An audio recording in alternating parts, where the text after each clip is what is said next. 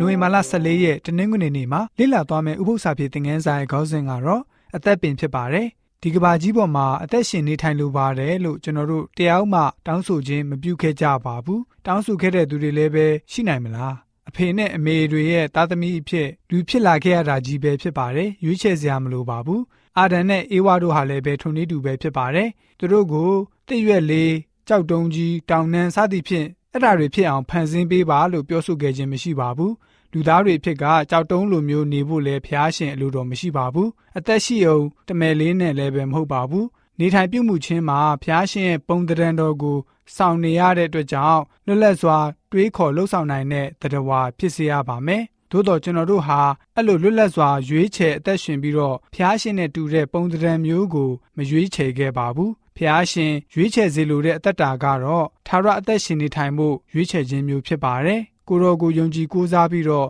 သခင်ခရစ်တော်ဟာကျွန်တော်တို့အတွက်ကားတိုင်းပေါ်မှာအသေးခံတော်မူပြီးဖြစ်တဲ့အတွက်ကျွန်တော်တို့ဟာအဲ့ဒီအသက်လမ်းကိုရွေးချယ်နိုင်ပြီဖြစ်ပါတယ်။ကပောက်ကျန်ခန်းကြီး2အငယ်၈အငယ်9ပြီးတော့အငယ်15နဲ့18ကိုဖတ်ပါမယ်။အာဒံကိုဖျားရှင်သတ်မှတ်ပေးတဲ့အချက်နှစ်ချက်ကဘာလဲဆိုတာကိုကြည့်ကြပါစို့။ထရရှင်ဖျားသခင်ဒီလည်းအရှိမျက်နာအေဒင်အရက်၌ဥယျင်ကိုစိုက်ပျိုးပြီးလင်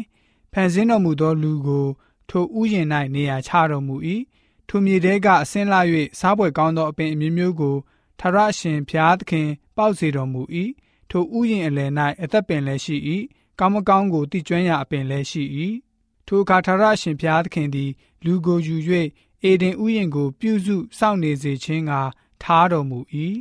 ထာဝရရှင်ဘုရားသခင်ကလည်းကောင်းမကောင်းကိုတိကျွမ်းရာအပင်မှတပါထိုဥယျင်၌ရှိသမျှသောအပင်တို့၏အသီးကိုသင်သည်စားရသောအခွင့်ရှိ၏ထိုပင်၏အသီးကိုကမစားရ စားသောနေ့တွင်ဧကန်အမှန်တေရမည်ဟုလူကိုပြညတ်ထားတော်မူ၏ဆိုပြီးတော့ဖော်ပြထားတာတွေ့ရပါတယ်အေဒင်ဥယျင်ရဲ့အလယ်မှာအသက်ပင်ဟာထီထီကြီးပေါက်နေလည်းရှိပါတယ်အဲ့ဒီအပင်ရဲ့အသီးဟာအသက်ရှင်ခြင်းတကူကိုပေးနိုင်ပါတယ်။အာဒန်ဟာဖျားရှင်ရဲ့စကားတော်ကိုနာခံပြီးတော့အဲ့ဒီအသီးကိုယူပြီးတော့စားမယ်ဆိုရင်ထာဝရအသက်ရှင်သွားရတဲ့အခွင့်ကိုရရှိပါလိမ့်မယ်။သို့တော်သူဟာအပြစ်ပြုတဲ့အခါမှာအဲ့ဒီအသက်ပင်ရဲ့အသီးကိုမစားမိစေဖို့လုံးဝတားမြစ်ခြင်းခံလိုက်ရပါတယ်။ အာဒန်ဟာတည်တက်တဲ့အမျိုးဖြစ်သွားပါတယ်။တရားတော့ပါမယ်။ဝိညာဉ်တော်စာပေဖြစ်တဲ့ Egypt The Great Controversy စာမျက်နှာ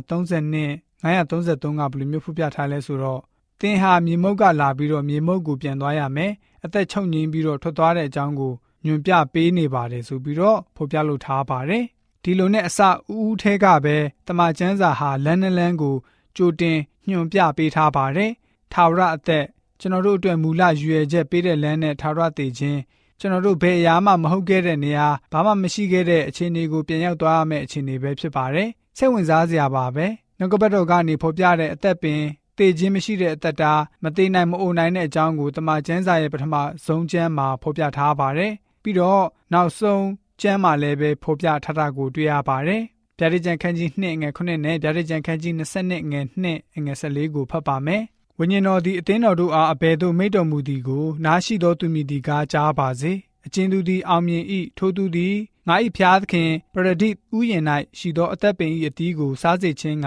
ငါအခွင့်ပေးမည်မြို့လမ်းမအလယ်၌၎င်းမျက်နှာဖက်၌၎င်းအသက်ပင်ရှိ၏ထိုအသက်ပင်သည်အသီးတစ်ဆက်နှမျိုးကိုတီးတတ်၏မိမိအသီးကိုလည်းလတိုင်းပေးတတ်၏အရွက်သည်လည်းလူအမျိုးမျိုးတို့၏အနာရောဂါငြိမ်းစရာဖို့ဖြစ်၏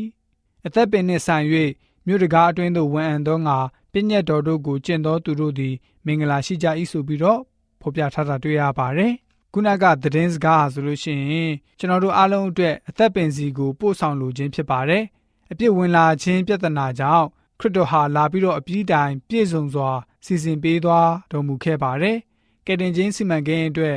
ယေရှုရှင်ကိုအထူးကျေးဇူးတင်ရမှာပဲဖြစ်ပါတယ်။ကရိုရှင်ရဲ့ရွေးနှုတ်တော်မူခြင်းကြောင့်အဲ့ဒီအသက်လမ်းကိုရွေးချယ်တဲ့သူတိုင်းဟာအသက်ပင်စီကိုလှမ်းသွားရမယ့်အခွင့်ကို ရရှိမှာပဲဖြစ်ပါတယ်။ငကိုကအခွင့်အရေးကို ပြန်လည်ရရှိမှာပဲဖြစ်ပါတယ်။ဒီလိုကြောင့်ကျွန်တော်တို့ရဲ့နေ့စဉ်အသက်တာမှာပြန်လည်ပြီးတော့စဉ်းစားဖို့ကတော့ကျွန်တော်တို့ရဲ့ရွေးချယ်ခြင်းဟာဆိုရင်ထာဝရအသက်လမ်းကိုရွေးနေတာလားဒါမှမဟုတ်ထာဝရတည်ခြင်းကိုရွေးချယ်နေသလားဆိုတာကိုပြန်လည်ပြီးတော့မိမိကိုယ်ကိုပြန်လည်ပြီးတော့ဆန်းစစ်ဖို့ဖြစ်ပါတယ်ဒီတို့ကြောင့်ကျွန်တော်တို့ယုံကြည်သူများအနေနဲ့ကတော့ဖျားရှင်ရဲ့ဖြစ်စေလေတဲ့အရာကတော့ ထာဝရအသက်လမ်းကိုရွေးချယ်တဲ့ယုံကြည်သူတွေဖြစ်စေဖို့အတွက်ဖျားရှင်အလိုတော်ရှိပါတယ်ဆိုပြီးတော့တနင်္ဂနွေနေ့ဥပုသ္စာဖြစ်တဲ့ငန်းစာကဖော်ပြပေးထားပါတယ်